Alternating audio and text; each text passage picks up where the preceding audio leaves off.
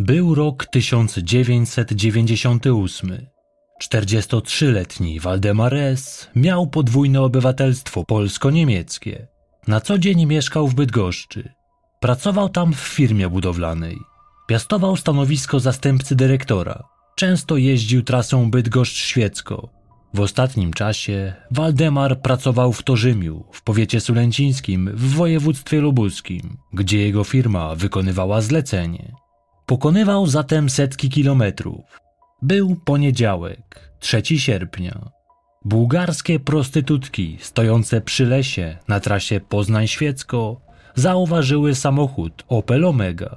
Było to dokładniej na 108 kilometrze trasy A2 między Międzichowem a Sempolnem. Na tylnym siedzeniu auta leżało ciało mężczyzny. Nie żył. Przerażone kobiety wybiegły z krzykiem na ulicę. Tam byli mężczyźni, którzy się nimi opiekowali. Oni poinformowali o sprawie policję. Funkcjonariusze niezwłocznie pojawili się na miejscu. Tam zastali samochód o niemieckich numerach rejestracyjnych. Nie ulegało wątpliwości, że mężczyzna został zamordowany. Zabójca oddał w jego kierunku kilka strzałów z broni palnej. Denat miał przy sobie dokumenty, wśród nich dowód osobisty, na podstawie którego szybko ustalono jego tożsamość. Był to Waldemar S. Najbardziej prawdopodobnym scenariuszem branym pod uwagę przez śledczych były porachunki gangów z za wschodniej granicy. Najprawdopodobniej zabójca okradł swoją ofiarę. Nie ustalono, jaka dokładnie suma pieniędzy zniknęła. Mogło być to nawet kilkadziesiąt tysięcy marek. Czyżby zabójca lub zabójcy wiedzieli, że miał przy sobie tak dużą kwotę? Ustalono, że mężczyzna wyjechał z domu w Bydgoszczy w niedzielę około godziny 22.25. Do pokonania miał nieco ponad 250 kilometrów. Jego podróż powinna mu zająć między 3 a 4 godziny.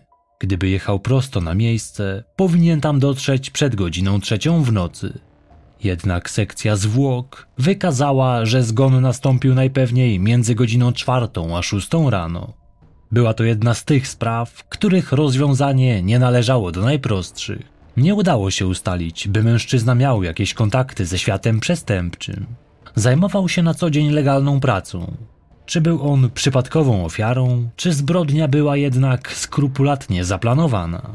Jeśli tak, to ktoś musiał wiedzieć, kiedy i w jakich godzinach jeździł on na tej trasie.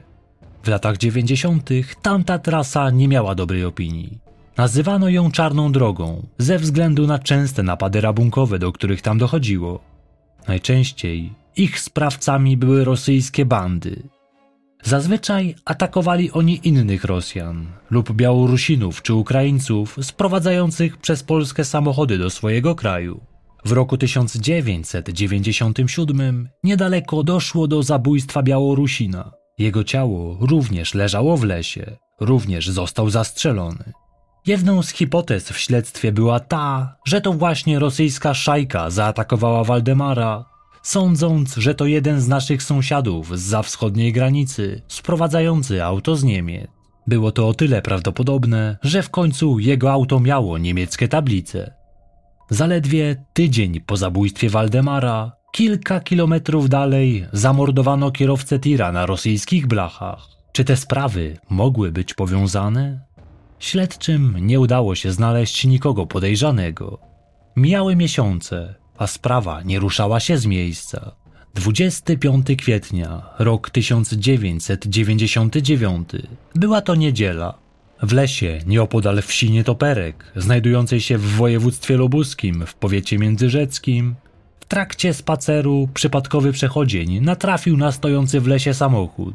Stał on na środku leśnej ścieżki. Stał w takim miejscu, że zagradzał drogę, w razie gdyby ktoś chciał się tamtędy przedostać autem. Kilka godzin później mężczyzna zauważył, że samochód nadal pozostawał w tym miejscu. Wydało mu się to bardzo podejrzane. Dookoła nie było widać właściciela. Wyglądało na to, że samochód został porzucony. Sprawa została zgłoszona na policję. Funkcjonariusze szybko pojawili się na miejscu. Spisali protokół. Zanotowali markę samochodu oraz jego numery rejestracyjne. Był to Opel Calibra. z rejestracją rozpoczynającą się od GWK. Auto zatem zostało zarejestrowane w powiecie kwidzyńskim. Jest to miasto oddalone od miejsca, w którym znajdował się samochód, o niespełna 400 kilometrów. Wewnątrz było czysto, nie było śladów krwi. Posiadając numer rejestracyjny, można było łatwo ustalić właściciela samochodu. Był nim Krzysztof Sokołowski. Mężczyzna mieszkał w Bobowicku, we wsi 10 kilometrów od Nietoperka, gdzie znaleziono auto. Śledczy udali się pod adres zameldowania Krzysztofa. Tam od jego rodziny dowiedzieli się, że dzień wcześniej wyjechał on z domu. Domownikom powiedział, że pojawi się z powrotem w domu w niedzielne popołudnie. Od tego czasu nie było z nim żadnego kontaktu.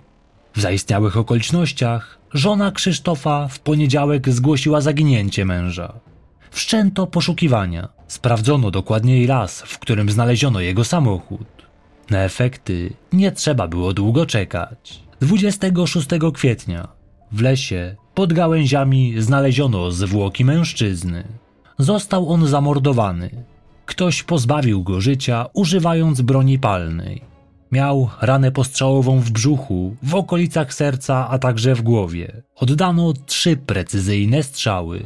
Wyglądało to na egzekucję. Nie było śladów znęcania się nad ofiarą. W przypadku takich zabójstw najczęściej w grę wchodzą gangsterskie porachunki. Czy tak było i tym razem?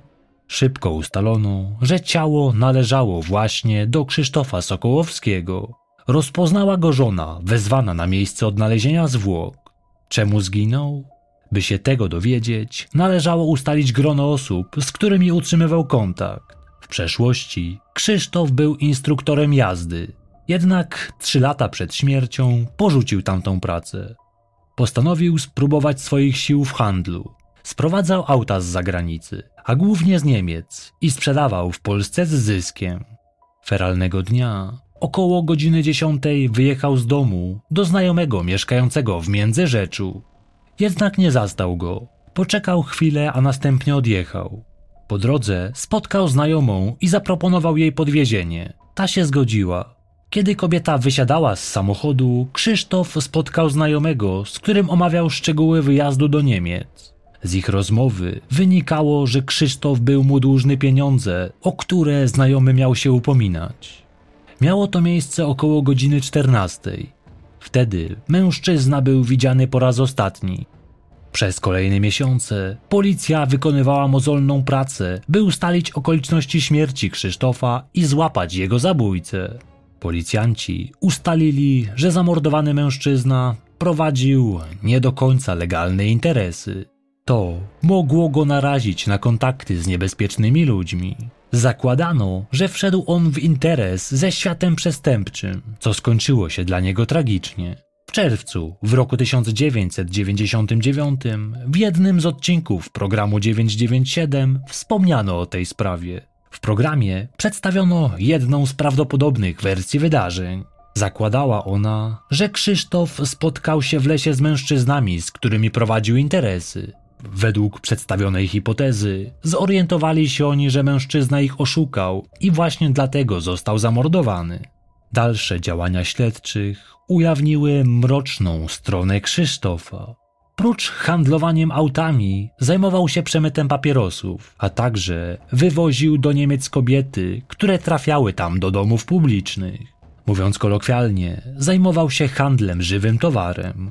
Analiza balistyczna wykazała, że strzały oddane były z dwóch broni. Choć śmiertelny był już pierwszy strzał w klatkę piersiową, to zabójca oddał kolejny w brzuch. Następnie, już pośmiertnie, dla pewności z innej broni strzelono mu w głowę.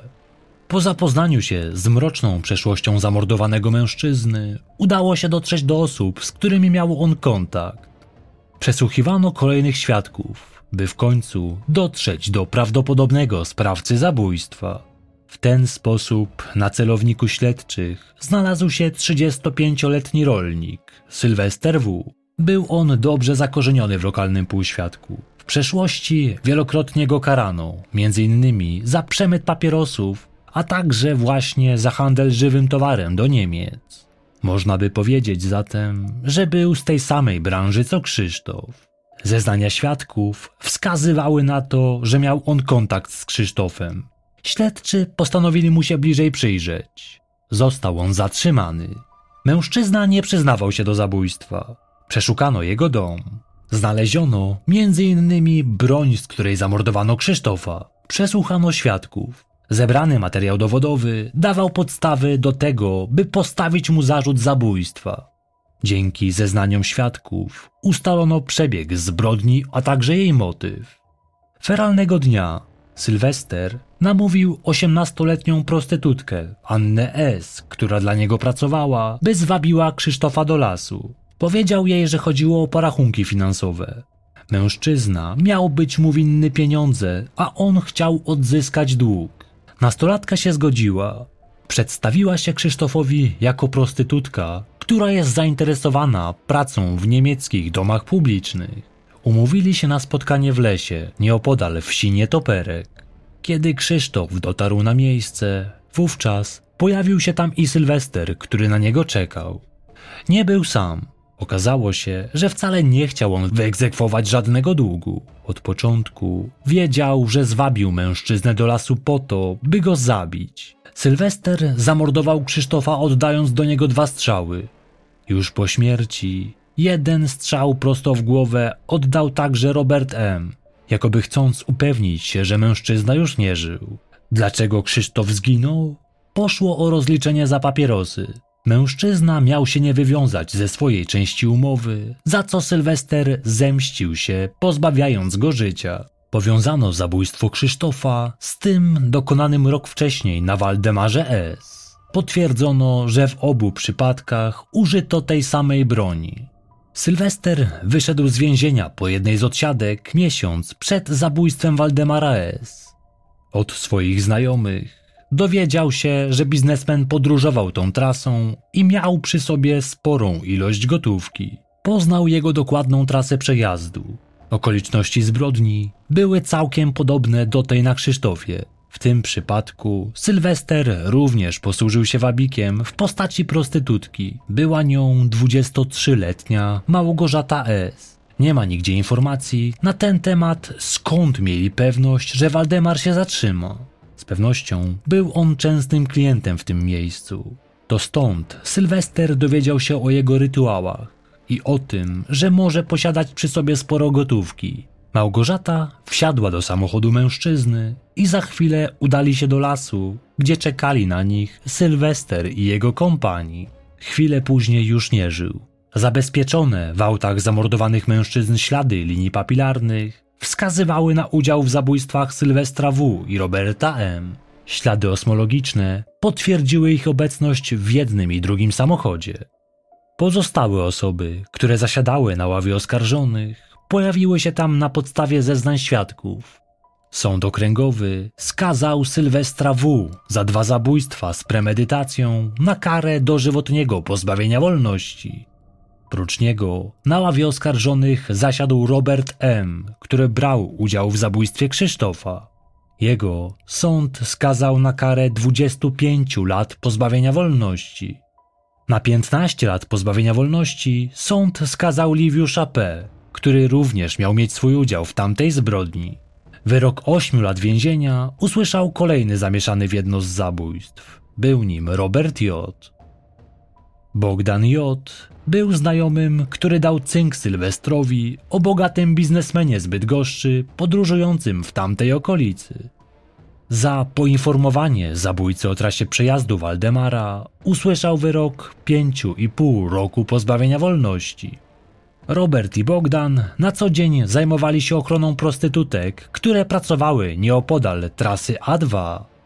Musieli oni znać zwyczaje Waldemara i wiedzieli, że często korzystał on z usług kobiet stojących przy drodze w tym miejscu.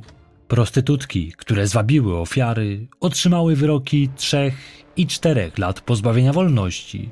Tylko kobiety przyznały się do swojego udziału w tej sprawie. Pozostali oskarżeni obstawali przy tym, że są niewinni.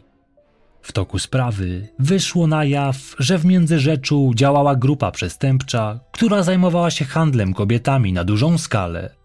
Sylwester W. stał na czele gangu. Który przemycał kobiety, które następnie trafiały do domów publicznych w Niemczech. Większość z nich werbowano z krajów za naszą wschodnią granicą. Ściągano młode kobiety z Ukrainy i z Białorusi. Obiecywano im pracę, a w rzeczywistości stawały się one żywym towarem. Część z nich miała doskonale wiedzieć, w jakim celu udawały się za naszą wschodnią granicę, a mimo to godziły się na to. Były one przetrzymywane w Polsce do czasu wyrobienia fałszywych paszportów. Według ustaleń śledczych, łącznie w ten sposób do Niemiec trafiło między 200 a 300 kobiet. Część z nich pochodziła także z Polski. Dzięki zeznaniom zatrzymanych mężczyzn udało się ustalić, że w procederze brał udział Marek M. W roku 2002, kiedy go zatrzymano, był on byłym już policjantem z Międzyrzecza. Miał on stać na czele gangu. Zatrzymano także obywatela Turcji, Mustafę K. Odpowiadał on za odbiór kobiet za granicą. Tam przejmowali je kurierzy, którzy dostarczali je do domów publicznych. Za każdą przewiezioną kobietę w ten sposób kurier brał dwa lub trzy tysiące marek.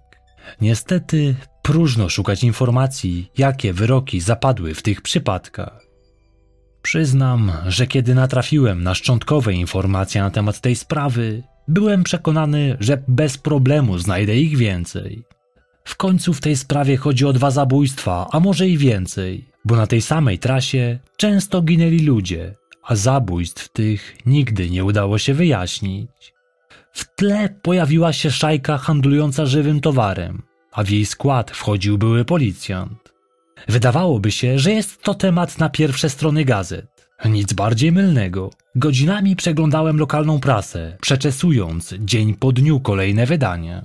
O sprawie jest kompletna cisza w mediach. Z tego względu nie udało mi się zrealizować tak wnikliwego odcinka, jak planowałem. Mimo wszystko chciałem się z Wami podzielić tą historią. Mam nadzieję, że Was zaciekawiła. Dziękuję za dziś i do usłyszenia w kolejnych odcinkach.